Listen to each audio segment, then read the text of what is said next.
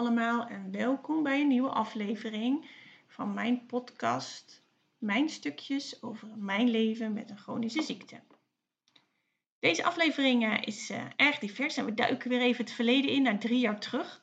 Zeker in de coronatijd. Ik heb echt heel veel lol gehad in het lezen uh, van de eerste aflevering die ik vandaag ga voorlezen, namelijk over de mondkapjes. Corona was toen goed en wel twee maanden bezig hoe anders dachten we er toen over uh, dan een tijdje later. Dus echt vermakelijk om terug te lezen. Daarnaast ga ik het hebben over werk.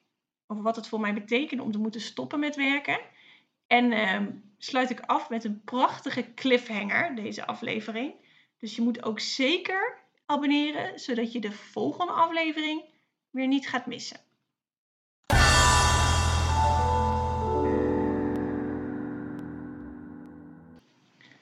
Mondkapjes, 15 mei 2020.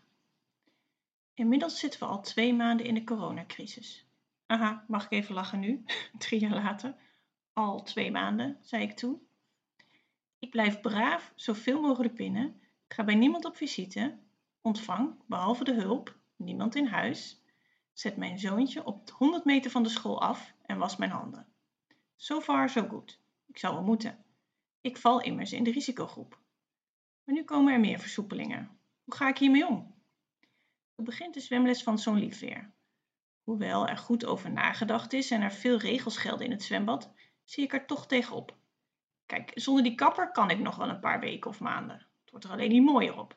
Ook de boodschappen hoef ik niet te doen. Lang leven maar lief. Maar die zwemles is toch wat anders. Een uur lang met andere ouders in een beperkte ruimte, want bij ons in het zwembad geldt de regel dat je mede verantwoordelijk bent voor je kind tijdens de les en dus moet blijven kijken bij een broeiende temperatuur. Hmm, niet zo ideaal. Gelukkig heb ik een lieve moeder en schoonmoeder die allebei aan de gang zijn gegaan om leuke en kleurrijke mondkapjes voor me te maken. Super lief.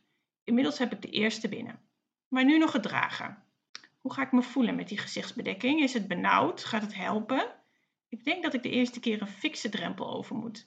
Zal het daarna makkelijker worden? Gaan we mondkapjes in ons straatbeeld binnenkort normaal vinden? Ik weet dat de beschermende werking van de mondkapjes een discussiepunt is. Maar iets is beter dan niets. Zeker als we ons gewoon nog aan de andere regels blijven houden. Al zie ik dat dat voor sommigen steeds moeilijker lijkt te zijn. Ik ga ondertussen door met het beschermen van mezelf. Met zelfgekozen quarantaine, anderhalve meter afstand en hippe mondkapjes ja, ik weet niet of het voor jullie ook geldt, maar ik vind het echt zo grappig om dit terug te lezen en te horen. Hoe we er toen over dachten. Het was toen nog maar twee maanden bezig. En ik vraag me af hoe ik me ga voelen met een mondkapje. Terwijl maanden later, en misschien, ik weet misschien zelfs een jaar later, ik weet het niet eens meer precies, werd het gewoon verplicht. Droegen we allemaal een mondkapje. En nu vind ik het, terwijl ik dit schreef, vond ik het raar. Ik vind het zo grappig om terug te lezen. Ik ben echt benieuwd hoe jullie dat vinden. En tegelijkertijd merk ik ook dat het alweer zo ver weg lijkt. Dat we alweer zo gewend zijn aan hoe het nu allemaal is en hoe het ooit was. Dat we gewoon weer teruggegaan zijn, zeg maar. Heel bijzonder.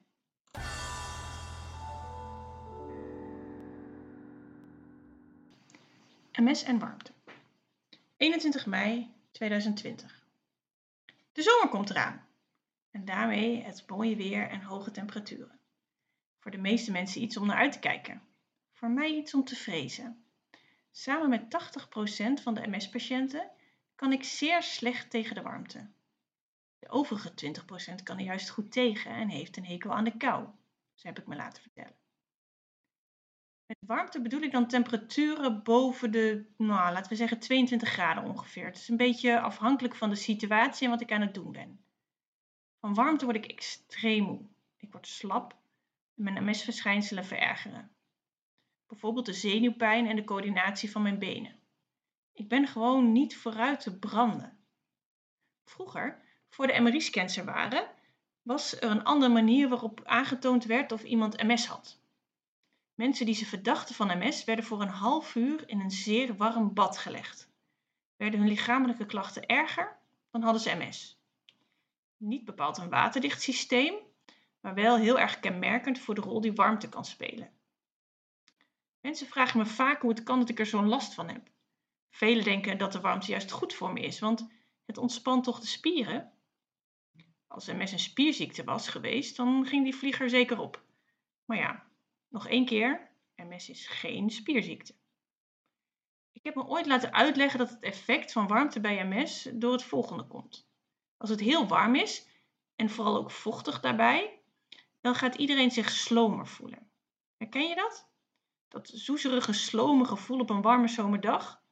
Dat schijnt te komen omdat de zenuwoverdracht tussen je hersencellen langzamer gaat. Waarom dat is? Geen idee.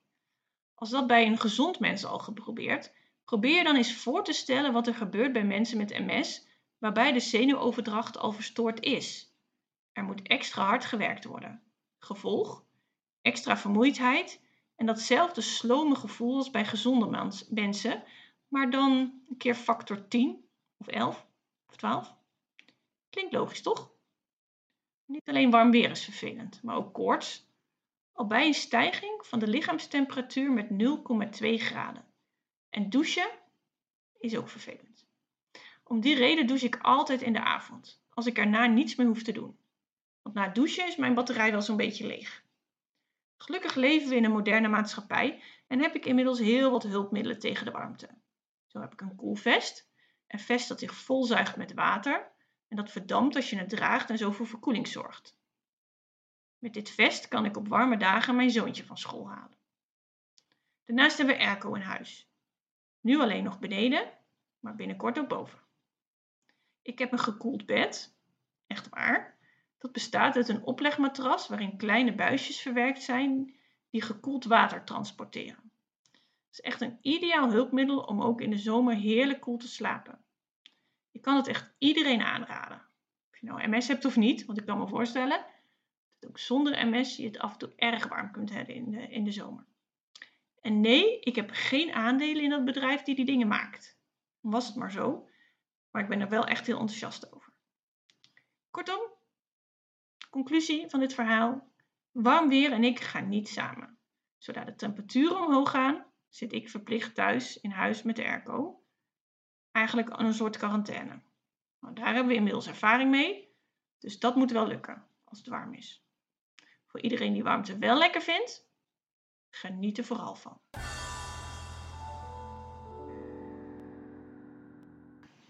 MS en werk. 2 juni 2020. Een onderwerp waar ik nog niet echt over heb geschreven is werk. Voor mij is het niet meer kunnen werken het moeilijkste en pijnlijkste van mijn leven met MS. Ik heb ruim 15 jaar een praktijk gehad als oefentherapeut. Ik vond het heerlijk om te werken. Mensen kunnen helpen, met mensen bezig zijn, mijn hoofd gebruiken, geld verdienen en me nuttig voelen. Toen ik mijn diagnose kreeg, kwam er een soort oergevoel bovenborrelen. Ik wil niet stoppen met werken. Gelukkig was dit, in de beginperiode, ook zeker niet nodig. Ik viel wel eens een tijdje uit tijdens een shoep. Erg vervelend voor de patiënten en de continuïteit van de praktijk, maar het was altijd weer op te lossen.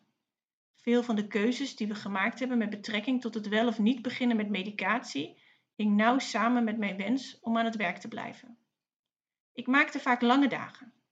Het gebeurde geregeld dat ik pas om half acht thuis was. Dan was ik zo moe dat ik eerst een half uurtje op de bank sliep voor ik kon gaan eten. De dagen dat ik niet werkte probeerde ik zoveel mogelijk te slapen om er energie op te doen voor de volgende dagen. Mijn man vroeg me wel eens of het niet verstandiger was om te stoppen. Maar zodra hij erover begon, gingen mijn hakken in het zand en was ik nog meer vastbesloten om vooral wel te blijven werken. Ik wilde er echt niets van weten. Langzaam maar zeker vond ik het werk zwaarder worden. Niet zozeer de zorg voor de patiënten, maar alles eromheen wel. Alle eisen en criteria waaraan we moeten voldoen als therapeut. Alle nascholingen en vergaderingen die er extra bij kwamen. De dreigende controles van de zorgverzekeraars. Het begon allemaal zijn tol te eisen. Steeds vaker betrapte ik mezelf erop dat ik aan het tellen was hoeveel patiënten ik die dag nog moest voor ik weer naar huis kon. Daarbij kwam de onzekerheid over de ziekte. Wanneer zou die weer opduiken? Wanneer zou ik weer uitvallen en voor hoe lang zou dit zijn? Zou ik het opnieuw weer kunnen redden? Hoewel ik van mijn werk genoot, werd het wel echt een gevecht met mezelf. Het opstaan en me klaarmaken voor een werkdag was al een gevecht. Eenmaal met de patiënten ging het wel.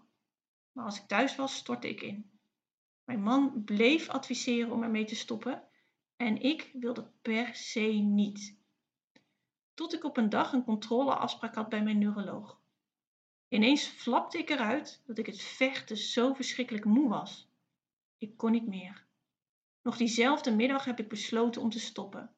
Wat was dat heftig. Mijn directe collega's waren geschokt. Zeer begrijpelijk natuurlijk. En ook de patiënten waren niet blij. Al snel had ik iemand gevonden om de praktijk over te nemen. Gelukkig maar. De laatste maanden met ongelooflijk veel plezier nog gewerkt. De patiënten bedolven me onder de cadeautjes en attenties. Die tijd zal ik nooit vergeten. En nu zijn we drie jaar verder. Terugkijkend weet ik dat ik de juiste keuze heb gemaakt. Nog geen half jaar na het stoppen kwam er een heftige sjoep aan en zou het echt niet meer gegaan zijn. Als ik de praktijk toen nog had gehad, dan had ik hem gedwongen moeten verkopen. Dat zou nog veel vervelender geweest zijn. Nu kon ik het nog op mijn manier afronden, wat echt heel fijn was. Ik mis het. Enorm. Maar ik zou het niet meer kunnen. Nog vaak droom ik s'nachts dat ik weer aan het werk ben. Kennelijk zit het diep.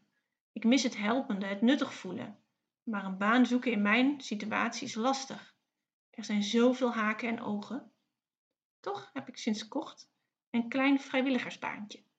Ik wil er nog niet te veel over kwijt. Het is nog pril. Het lijkt net alsof ik het over een relatie heb.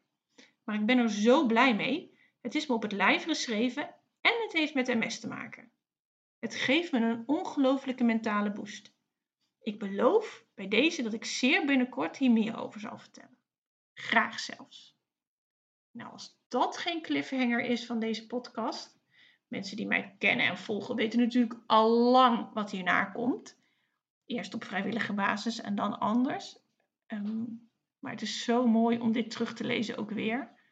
Uh, hoe erg ik het werken miste en hoe ik dacht dat ik dat allemaal niet meer zou kunnen en nou, noem maar op.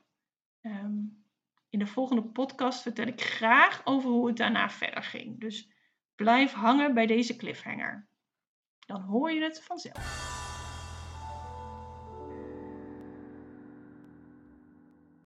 En dat was deze aflevering weer. Het stuk over warmte was misschien, of is misschien een beetje mosterd na de maaltijd als je dit luistert. Tenzij je dit uh, luistert midden in de zomer van 2024. Maar als je dit luistert op het moment dat het uitkomt, zitten we echt aan het einde, aan het staartje van de zomer. En misschien luister je wel midden in de winter en dan gaat het helemaal niet op. Maar goed, ik ben heel benieuwd of jullie dat allemaal herkennen met de warmte en of jullie ook maatregelen nemen tegen de warmte. Mocht je willen weten waar ik mijn koelvest uh, vandaan heb of mijn koelbed, kun je me altijd even een berichtje sturen en dan kan ik je even laten weten waar die te verkrijgen zijn of kan ik je er meer over vertellen. En blijven natuurlijk hangen voor de cliffhanger. Om te weten wat dat vrijwilligersbaantje is. Wat ik, uh, waar ik het over had. Uh, wat dat precies is. Wat dat inhield. Maar goed, als je mij een beetje volgt. Dan weet je al een beetje welke kant het op gaat denk ik. Um, maar blijf bij. Dan hoor je het allemaal. Ik wil Guest Hunters weer bedanken in de vorm van Hans Geurts. Die voor de muziek heeft gezorgd. En Sylvie van Visual voor mijn logo.